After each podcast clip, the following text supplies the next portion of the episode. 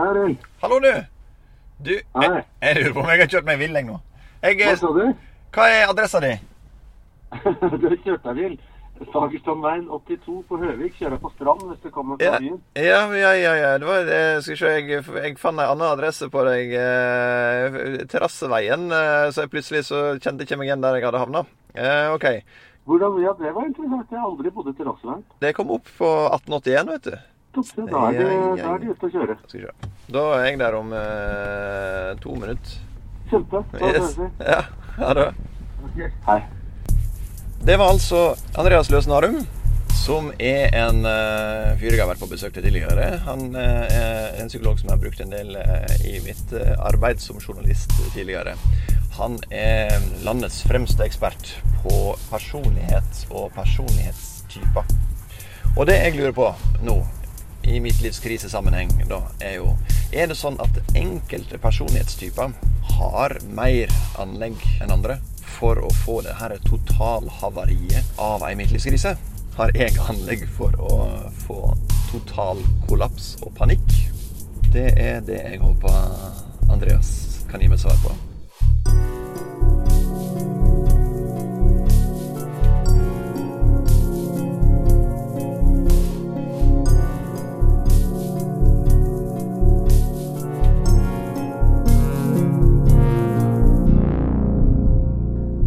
Jeg heter Arild Oppheim, og jeg er midtlivsmannen. 42,6 år. Jeg er ei tikkende midtlivskrisebombe som slutta i jobben for å på heltid avverge at det skal eksplodere i ei klassisk midtlivskrise. Så i denne serien så får du bli med når jeg møter folk som kan hjelpe oss å forstå midtlivskrisa. Et fenomen som vi alle ser og mange kjenner på, men som forskerne sliter med å bevise. Hello! Hello! Velkommen. Hjertelig takk. Og i dag møter jeg altså Andreas Løsnarum. Han har brukt midten av sitt liv til å utvikle parweb.no, som er parterapi på nett. Så hvis det sitter langt inne for den ene eller begge å dra til en psykolog og snakke om parforhold under seks øyne, så kan en se på videoer og få terapi i sofaen hjemme. Det er egentlig ganske genialt. Men for seks-sju år siden så jobba han sammen med meg da vi lagde TV-serien eh, Bør de gifte seg for NRK. Og da lærte han meg en heil del om personlighet. Og hvordan personligheten vår påvirker oppførselen vår, valgene våre, ja, ganske enkelt livet våre. Ja, hvordan går det? Nei, det går, det går eh, Ja, vi er på sjette året med oppussing. Nå nærmer det seg slutten, da. Ja, Ja. ja. det gjør du alltid.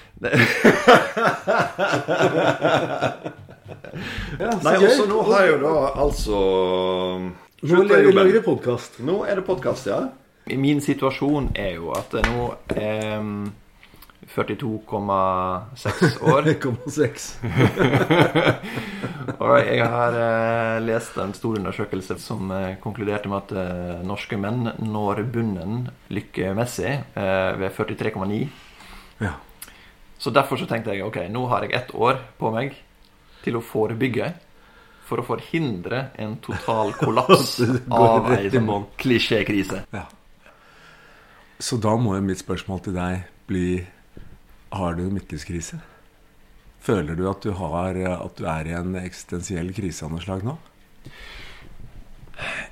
Nei, nei altså Altså, jeg føler jo at jeg har følelsesmessig kontroll, på en måte. Jeg føler ikke noe sånn panikk. Eh, men Men det kan være fordi du ikke Kjenner godt etter det?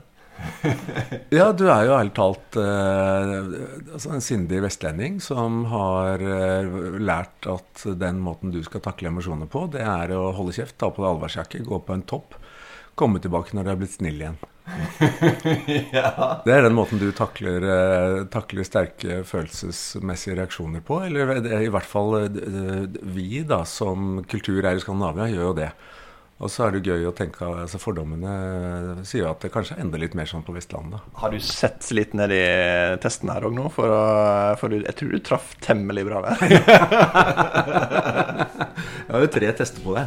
Ja, Andreas har godt grunnlag for å vurdere personligheten min, og i hva grad jeg eventuelt har anlegg for å få midtlivskrise. Jeg tok én personlighetstest, litt sånn for moro skyld, eh, da vi jobba sammen for seks år siden. Jeg tok eh, den på nytt for ett år siden, da jeg slutta etter 20 år som journalist i NRK. Og jeg tok enda en på morgenkvisten rett før jeg setter meg i bilen på vei til feil adresse for å besøke Andreas. Så vi har jo da én testprofil fra da 36, én når du er 41, én 42. Og vi skal absolutt dykke ned i hva de testene forteller om meg. Men eh, så var det det med å snakke om følelser, da. Eller i det hele tatt kjenne på følelsene sine og prøve å skjønne dem. Jeg har nok store deler av livet mitt vært både typisk mann og typisk norsk på det feltet. Vi er jo ikke akkurat utdannet i å snakke om eh, det indre liv i Norge. Det gjør vi jo ikke rundt middagsbordet, og vi gjør det jo ikke i skoleverket. Og vi gjør det jo eh, først når vi kommer til eh, terapeuten av og til. Da. Ja. Og så tror jeg også folk sliter litt med at de ikke har vokabularet for det. Det, det, det, tenker jeg også er en, en, ting som jeg ser veldig ofte med mine klienter. At det første man må gjøre, for det er at de, de, vet at noe er gærent, men de kan ikke sette ord på det.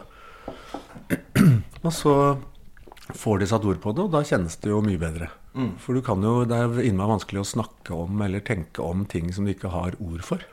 Så det, så det vil jo være en sånn fin ting med din podkast, at du da kan, eh, kan bidra med litt sånn vokabular for folk. A. Det er lov å snakke om. B. Her er noen ord du kan bruke.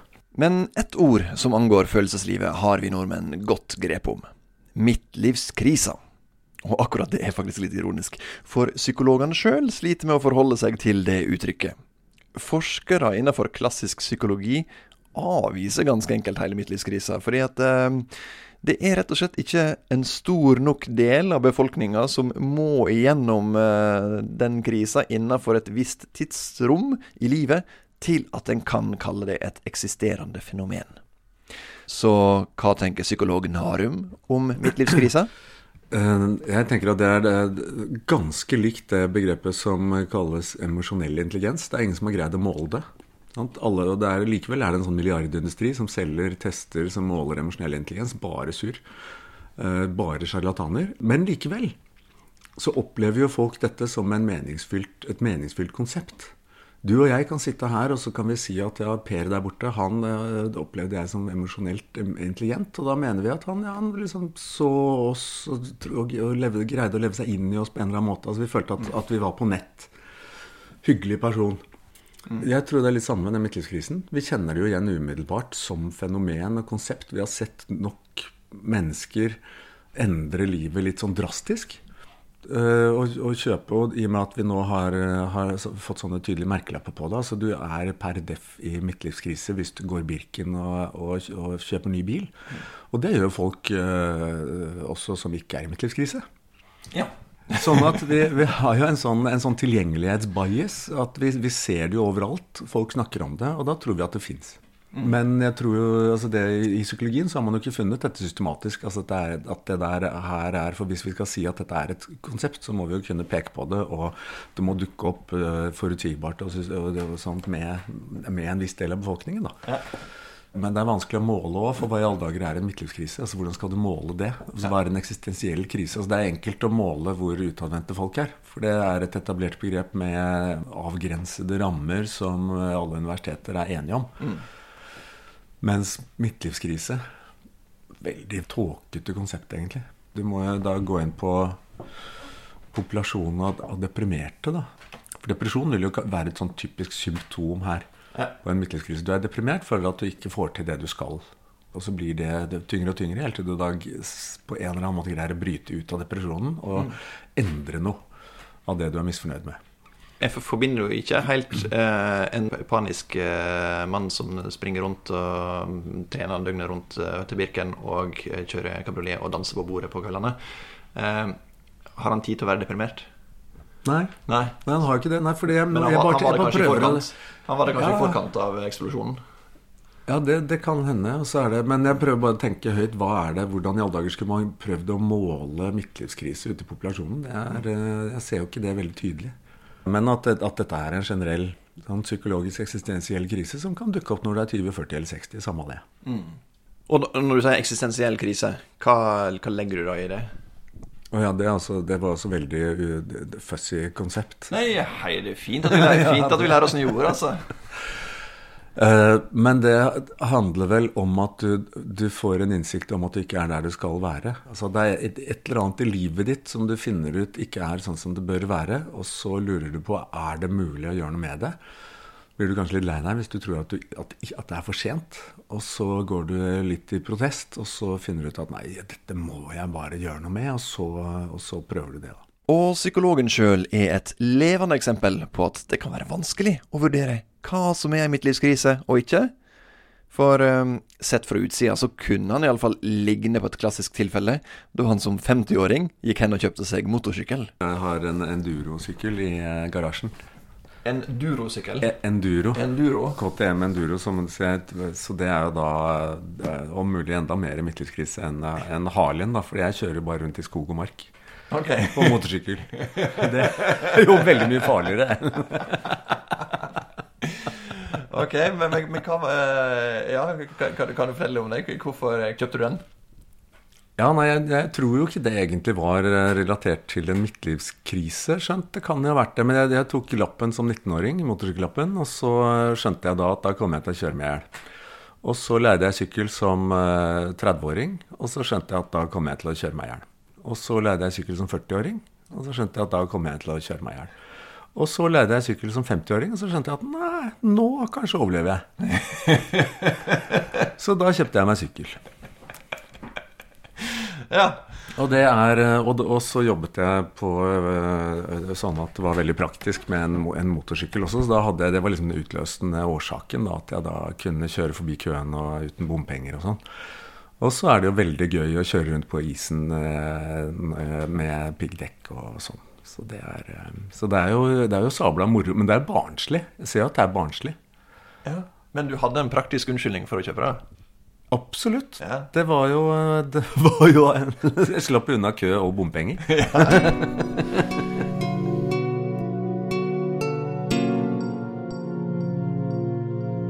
Men jeg har, jeg har satt i gang en undersøkelse. Du har det? Ja. Eh, som jeg håper å få veldig mange svar på, og jeg håper alle Survey? Ja, altså hva skal vi definere innafor og utafor ei midtlivskrise? Eh, så i den undersøkelsen da, så er det rett og slett opp til folk å beskrive hva de forbinder med midtlivskrise. Åpen tekst? Åpen tekst, ja. Ah. Men òg litt sånn eh, lukka spørsmål i hva grad har eh, du opplevd det? I hva grad har noen i familien opplevd det? I hva grad har du mistenkt noen andre for å ha sett det de siste tolv måneder? Og sånn, ja. Dette er kjempegøy. Dette er en doktorgrad. Det Ja. Hvis vi får nok folk til å svare, så blir det en doktorgrad, ja. Ja, du, ja, du skal skrive doktorgrad da, tenker du? Det, blir jo, det, det tjener man nemlig masse penger på. Gjør en det? Ja, ja, ja. Wow. Det har jeg ikke tenkt på. Nei, det har du ikke tenkt på. Hvor, hvor, mange, hvor mange svar må jeg ha for en eh, Nei, det er jo, altså, vil jo gjerne ha så stor N som mulig. Ja. Så du må jo ha For- 100, men gjerne 10 000. Ja. Dette er en, en prototypikalitetsundersøkelse, da, det du driver med nå. Nå stiller du spørsmål om, eh, åpne spørsmål til folk. Hva assosierer du med midtlivskrise? Akkurat det samme som eh, Robert Sternberg gjorde da han gjennomførte sin prototypikalitetsundersøkelse om kjærlighet. Og han stilte jo da åpne spørsmål til folk. Hva er kjærlighet? Og så kokte jo det ned til disse tre overordnede kategoriene, som er, som er liksom triangelteorien om kjærlighet. hvor, du da, hvor han da sier at det, disse tre elementene må være til stede for at det skal være fullverdig kjærlighet. Hvis du kan finne tilsvarende kategorier på midtlivskrise, så er du i gang. Da har du en doktorgrad, og ikke bare det, du har et par bøker som blir internasjonale bestselgere. Ok, så uh, alle som hører på, gå inn på uh, mittlivsmannen.no, så finner dere muligheten til å fylle ut skjemaet der. Mittlivsmannen.no.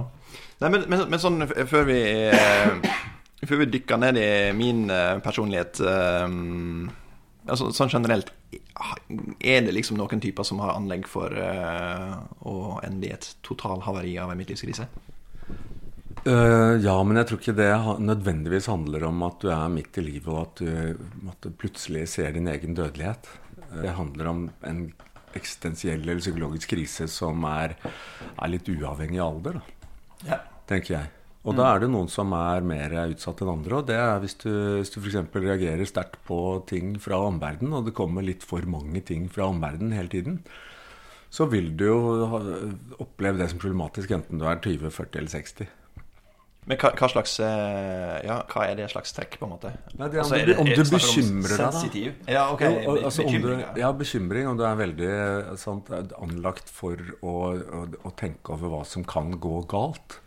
Du er litt sånn pessimistisk. Du ser for deg at eh, ja, også, Kombinert med et våkent hode, så er det på mange måter folks sterkeste asset. Og så er det det også, men det kan også være en stor byrde. Da, fordi med våkent hode så kan du jo uh, levende se for deg alt som kan gå galt til enhver tid. Mm empatiske folk og sånn? Er, altså, er, vi på empati her, eller? Nei, her er vi mer, på, er vi mer på, eh, på, oppfinnsomhet, kanskje. da, Eller okay. sånn åpenhet for nye erfaringer. Og så er du veldig åpen for uh, verden, så ser du også gjerne flere sammenhenger og, og med, med, hva som kan gå galt. Hvis det da er kombinert med at du er uh, bekymret og pessimistisk, ja.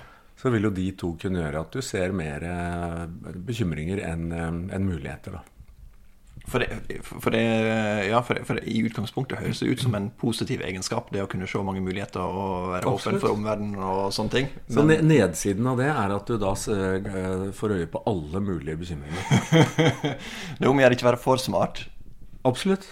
Ja, det, så, og, det, og det ser vi jeg mener, Nå husker jeg, ikke referansen på det, men jeg mener å, å huske fra depresjonsforskningen at de fleste som, er, som, går, som, søker hjelp for depresjon, de er over gjennomsnittlig intelligente. Så det er altså ignorance is bliss, på en måte. Ja. Da lever du bare der du er, og så tenker du at det går greit. Mens hvis du er rask i hodet, så ser du for deg massevis av greier som kan gå galt rundt neste sving smart og pessimistisk er en eh, dødelig, det, det er en god, god, kundegruppe for sånne som oss. De har gjerne gode jobber òg. Ja, ja, ja. Ok. Men det er selvsagt ikke sånn at alle smarte pessimister får ei beinhard midtlivskrise i fleisen en tilfeldig dag omtrent midt i livet. Ytre omstendigheter spiller selvsagt òg inn. Og før Andreas vil avsløre om jeg er smart slash oppfinnsom, og om jeg er pessimistisk anlagt, eh, så vil han snakke litt om livet mitt de siste åra. For da vi jobbet sammen sist, det var jo 13-14, eh, så skjedde det jo ganske mye da som var eh, voldsomt og dramatisk. Ja. Og, det, og, og, og, siden så fikk du dette huset som var voldsomt og dramatisk. Og så vet jeg ikke om det har skjedd noen noe sånn andre voldsomme og dramatiske ting. Men altså det, en, av, en av teoriene bak det midtlivskrisekonseptet er jo at, eh, at stabler, det er så mange ting som blir stabla på hverandre, at to, totalen av byrder blir så stor at, er, at ja, du, du, går i bånn, da. Du går litt i kjelleren. Mm. Fordi det er litt for mange ting på én gang, bare. Ikke, ikke at det er nødvendigvis sånn én stor, skrekkelig dødsangst som, som var utgangspunktet. da, At eh, ja. man, man, plutselig ble bevisst eh, egen dødelighet. Men at eh, liksom bare det er det pluss det pluss det pluss det, pluss det, og så er det bare til sammen. Er det litt for mye? Nei, altså, ja. De siste ti åra av mitt liv kan jo en på en måte se på som en sammenhengende krise. Ja, ja, for hvis du, hvis du, begynner å ramse opp ja. tenker jeg, Hvis du ramser opp 'så skjedde det', ja. så skjedde det Først rana. Eh, skilsmisse. Nytt forhold med bonusbarn eh, og eh, Og på jobben. Det er ikke lett, det heller. Ja, og oppussing på toppen av alt. Nå en liten gutt på Tom, Hvor gammel er han nå? Fire år. Fire og et halvt. Fire. Mm. Å, det er deilig alder.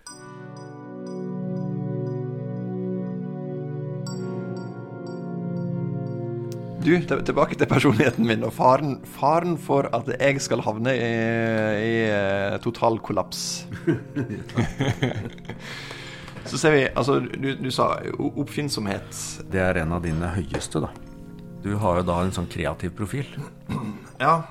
Og, og, du er jo da helt der at du skal i hvert fall ikke la noen regler styre Altså du, du, skal i hvert fall ikke følge reglementet, hvis det er mulig. Det er et sånt prinsipp, det å ikke følge reglementet. Så jeg hadde jo tenkt at hvis du da fikk deg en sånn regnskapsfører-revisorrolle, ja.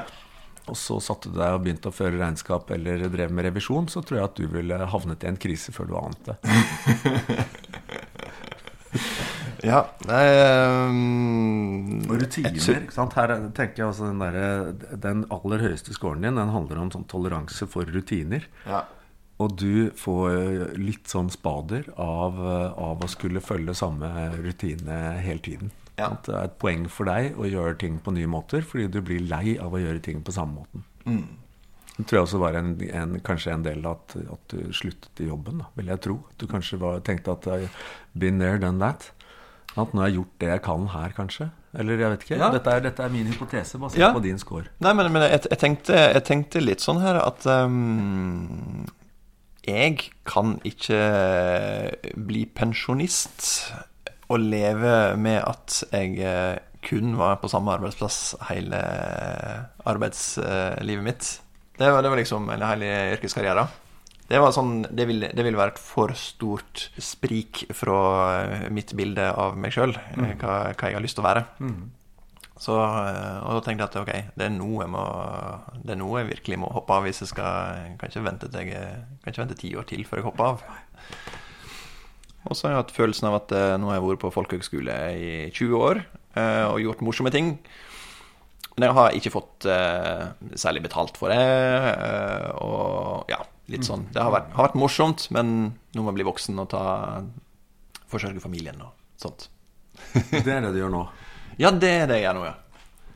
Altså På en måte skulle jeg tro å, å, å, si opp jobben for å eh, konsentrere seg om mitt livs krise Det lyder ikke umiddelbart som et veldig innbringende prosjekt. Ikke det? Nei da. Men etterpå. etterpå. Ja, jeg ramler jo litt av på, den der, på akkurat den der forsørgerlogikken. da Ved å si opp jobben og begynne å lage podkast. Ok altså, Jeg regner med å få mer betalt jeg, jeg, nå enn eh, på jobben i NRK. Ja, ikke akkurat disse dagene jeg sitter og snakker med deg, men, uh, men, men, etterpå. etterpå. ja. Jeg tror eh, kompetansen min er definitivt mer verdt utafor NRK enn inni NRK. Ja. Det er ikke tvil om. Jo, men det er jo en beroligende tanke, tenker jeg. Det er jo stikk motsatt av Det drar det jo vekk fra denne midtlivskrisen. Den innsikten der, sånn, eller den vissheten ja. der. For da, det er jo Altså, midtlivskrise handler veldig ofte om eller eh, ja, altså Vi skal kalle det midtlivskrise, altså, men, men, en sånn eksistensiell psykologisk krise handler veldig ofte om at, det er, eh, at man har lav selvfølelse pga. et eller annet. Og det dukker opp en eller annen innsikt som gjør at man innser at her, jeg burde ha gjort noe annet. Mm. Men det er jo helt omvendt for deg. Du sier jo at jeg har gjort morsomme ting, men jeg har vært underevaluert. Mm. Og jeg har ikke i tilstrekkelig grad valgt selv. Nå er jeg eh, så sikker på meg selv at jeg kan velge det som eh, jeg elsker. Og det som jeg elsker, kommer til å gjøre meg til en bedre forsørger. Jeg kommer til å, pengene kommer til å tikke inn som bare det, når jeg bare velger selv og tar styringen og gjør det jeg er god på, for det er jeg veldig god på. Ja, så... Dette er ikke noe kriselogikk. Nei. Ok. Det er det som er så merkelig. Jeg føler meg jo absolutt som der jeg skal være nå.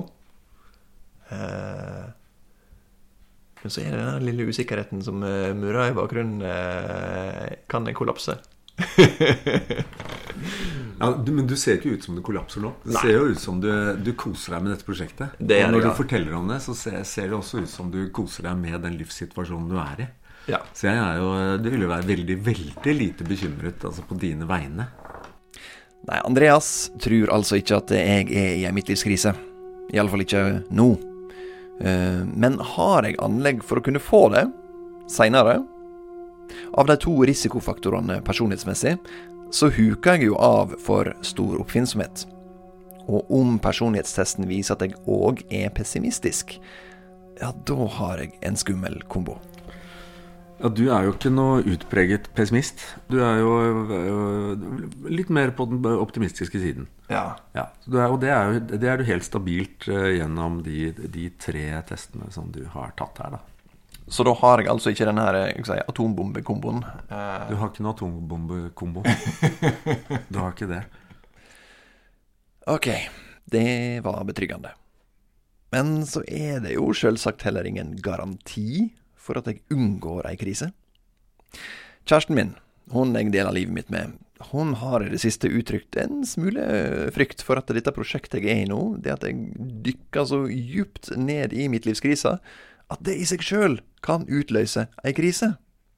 Blant medisinerstudenter så er jo det et utbredt fenomen at de føler at de har symptomer, og innbiller seg at de har sykdommene de lærer om. Så hun kan absolutt ha et poeng. Eller er det kanskje motsatt? At prosjektet mitt i seg sjøl er forebyggende? At jakta på ei oppskrift til å unngå midtlivskrisa gir meg innsikt og bevissthet som i seg sjøl kan avverge en smell? Ja, det tror jeg absolutt. Altså, nå er jo du, du er jo på metanivå, og det er jo den måten du unngår det her på. Ja. Men så har du et annet fenomen som jo eh, handler om Som kanskje er litt sånn type eh, sånn Hollywood-syndrom. Det at du da egentlig vil være eh, Brad Pitt og være mangemilliardær. Eh, at, at du da, siden vi da ser så mange vellykkede mennesker på, eh, i, på film og på Facebook, så, så er differansen da mellom det vellykkede livet alle de andre lever, og mitt liv, den blir så stor at da blir jeg deprimert. Den er det ganske mange som er i, og den tror jeg kan spille inn på det, på mitt, det midtlivskrisebegrepet ganske stor For mange mennesker, er det en stor utstrekning. Ja, og i et land som Norge, som er så ekstremt velstående og eh, materialistisk, vel eh, Absolutt. Altså, alt er jo relativt. Bor du i et godt nabolag, så er det lettere å måle seg med Eller tenk, tenk eller, Jo, for det, det er, I lykkeforskningen også så ser det ikke så viktig hva du Altså akkurat hvor høy lønna di er, men du må, ha, du, må ha det, du må ha litt finere bil enn naboen. Mm. Så hvis, eh, og, da vil jo den, den avhengig av prisnivået på nabolaget ditt, da, så er jo det ulike prisnivåer på biler. Så du skal, sånn at du sammenligner deg med de som er direkte rundt deg. Og hvis du er dårligere stilt enn de som er rett rundt deg, så er det større sjanse for at du blir misfornøyd. Så hvis du har den dårligste bilen i eh, Holmenkollen, så er det lurt å flytte til eh, østkanten og heller være rikest der. Det er mye bedre å ha en eh, tre år gammel eh, dyr bil på, eh, hvis de andre har enda eldre biler. Ja. Ja. Aha. Nei, men, men, men tror, Og- du- og tror, der- du, tror du midtlivskrise på en måte kan være mer utbredt i det nå velstående Norge enn for 50 år siden, da det var ikke fullt så velstående? Ja, det tror jeg absolutt. Altså, den der, dette er jo den 'alt var mye bedre under krigen'-tanken.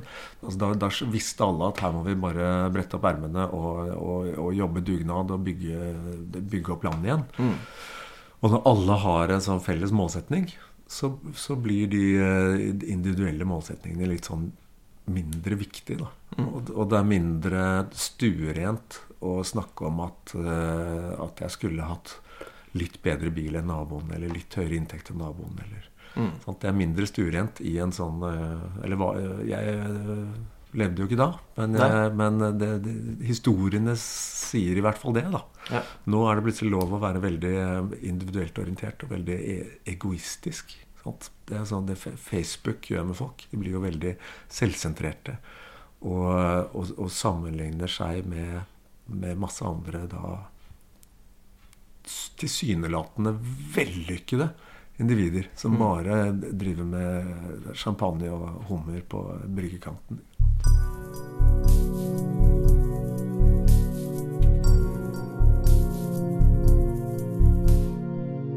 Hva tenker du på når jeg sier midtlivskrise? Eh, stort sett så tenker jeg på menn som kjøper seg motorsykkel. Eh, først tenker jeg på 40 år gamle menn og raske biler. Altså, Midtlivskrise har jeg ikke noe forhold til. Det, det, for meg er det veldig vanskelig å, å si, for jeg kjenner ingen. Okay. Nei, jeg kjenner ikke noen uh, som er, er i, i, i midtlivskrise. Ik- Nei, ikke i mitt miljø, for at folk holder på med interessante ting. Og, Og altså, det er meningsfulle ting. Nei, jeg traff den aldri. Du traff den aldri? Nei. nei, nei jeg, Du skjønner, jeg jeg eh, jobber med forskning, så tror jeg, jeg tror ikke det gjelder folk som jobber med forskning. Eh, Hvis du holder på med forskning, et eller annet sånt, så er det en slags dop eh, på en måte. Ja. Når du setter deg ned og forsker, så forsvinner alle, eh, alle andre forstyrrende tanker. Så du, du får en slags sånn tilfredsstillelse. Du må snakke med andre, andre, andre, andre forskere som, på doktorgradsnivå som, om, de, om de føler Jeg, jeg, jeg, jeg kjenner ikke i hvert fall av kollegaer av meg som har sånne problemer. Forskere får ikke midtlivskrise, ble det påstått da jeg gikk rundt på Universitetet i Oslo og spurte folk om assosiasjoner til uttrykket midtlivskrise. Vel, hva tenker psykologen om den påstanden? Jeg nikker. Det, det lyder veldig det, det, Veldig klokt. For det Ser på stereotypiene i, Norge, da, så er det, der, det som du drar frem, det er da Birken, eh, kabriolet og yngre kone. kone. Og, og sånn som det er fremstilt, så er jo det næringslivsfolk. Ja. Og de, hva driver de med ofte? Jo, de driver og genererer verdier for aksjonærene. Og eh, om de selger aksjonærer eller ikke, er ikke så farlig, men de skal, de skal tjene penger, da. Og det er jo ikke meningsfylt. Nei. Nei. Det er jo eh, Ja, jo, jo, du kan jo si det er meningsfylt fordi du, genererer jobber for folk. og sånn det, På noen nivåer er det meningsfylt, men, men det som et individ kjennes som meningsfylt, det er det relasjonelle.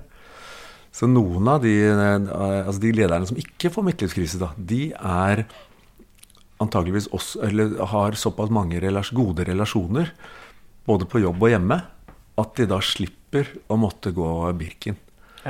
Mens de, som da, mens de som da havner i en sånn krise, de savner noe. Og det folk savner, hvis du spør gamle folk om hva de angrer på, så er det ingen som angrer på at de brukte tid på nære relasjoner.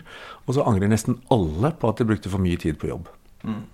Så dette er en sånn, når du innser det, da, så, så vet jo ikke disse midtlivskrise, de som da havner i den stereotypiske midtlivsposisjonen, hvor de da eh, trener seg til en eh, flatere mave og, eh, og kjøper seg en dyrere bil og på en måte kjøper seg en, en ny og dyrere kone, så er jo det eksterne ek eksteriørting. Det handler alt om eksteriør, så jeg tror ikke at de får løst midtlivskrisen sin på noen som helst slags måte ved å gjøre akkurat de tre tingene. da. Birken, kabriolet og, og ung kone. For det er, det, handler, det er ikke det det handler om. Det handler om at du må, du må ha det fint med de menneskene som du er glad i, og som du har lange relasjoner med. Det er bra. Så å slutte jobben eh, for å eh, ha hjemmekontor er kanskje en bra ting, det da Det er familiemessig. Ja, Det vet jeg ikke. Det er hjemmekontoret. Du kan jo da dra deg vekk 20 timer om dagen. Sånn at, men, det, men det å vite om det, og altså, lage, altså bygge dine egne ritualer for også, altså selv om du er kjempetravel på jobb, og så har du små barn, men så vet du at uansett hva som skjer på jobb, så, eh, så er det på leggetid, så sitter jeg en halvtime på sengekanten og snakker om hva som har skjedd, og er opptatt av det barnet. Og da legger jeg fram en telefon, da er jeg bare der en halvtime om dagen. Det er jo den investeringen eh, du angrer på at du ikke gjorde når du blir gammel. Ja. Er, men vil det være eh, midtlivskriseforebyggende? Det, Og- det vil være midtlivskriseforebyggende. Ja. Sant? Hvis du da hvis du eh, fokuserer ordentlig på og så er klar over det hele veien, hva som er viktig det tenker jeg er en, eh, altså I dette krisebegrepet så handler det om en, at du har surret vekk prioriteringene dine. Du tror at du må løse alle de logistikkspørsmålene, alle de, alle, alle de pengespørsmålene, at det er det som er det viktigste. Men eh, hvis du får inn et, noen ritualer som handler om at du selv er klar over at, de, at det er relasjonelle ting som betyr noe på sikt, og det er relasjoner til dine nærmeste i familien, og så er det relasjoner til altså, sånn type frivillig arbeid. Altså at du gjør noe som er gavnlig for andre enn deg selv, uten at du skal ha betalt for det. Det er de to viktigste relasjonelle tingene som da u- øh, altså forebygger alle kriser, egentlig. Så når jeg nå har slutta jobben for å på heltid forebygge at jeg skal få total kollaps midtlivskrise, eh, Ja, hva, hva er ditt eh, hotteste tips, da? Jeg legge vekk den der dumme mikrofonen, og så, og så lese høyt for han minstemann, og for å være nær familien. Samle sammen alle telefonene, legge dem i et annet rom, være nær familien. Nydelige avsluttende ord. Da eh, slår vi av denne mikrofonen, så kjører jeg hjem igjen og henter tidlig i barnehagen i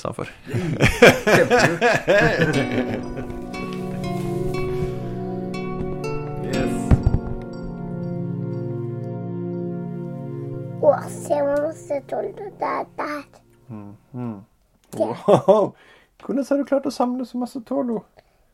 Det er ikke jeg som har gjort alt det toloen der. Har den kommet av seg sjøl?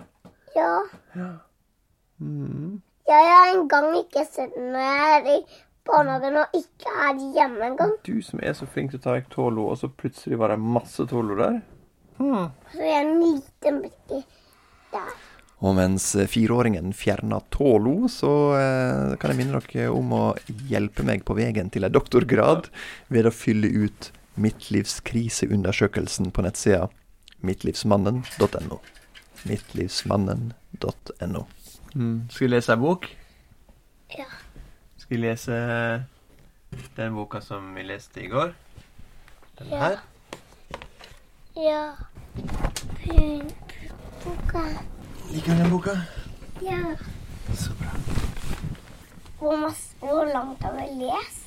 Vi leste hele boka i går, men vi kan lese hele boka i dag òg. Ja, det vil jeg. Okay. For den er litt stor. Brunbjørnen og pandaen. På et fjell langt nord bodde det en bjørn. En stor brunbjørn med lang, krøllete pels. I neste episode av Midtlivsmannen skal vi møte en som fikk ei skikkelig midtlivskrise. Jeg hadde jo en skikkelig smell. Eh, Den kom som et, eh, et godstog. Yngvar Andersen, kjent fra NRK og Puls, en mann som lever av å motivere folk til å ta grep om helsa si og liva sine. Han sto sjøl en dag og ikke ante hvordan han skulle takle sitt eget liv. Hvordan han opplevde det, det får dere altså høre om i neste episode av Midtlivsmannen.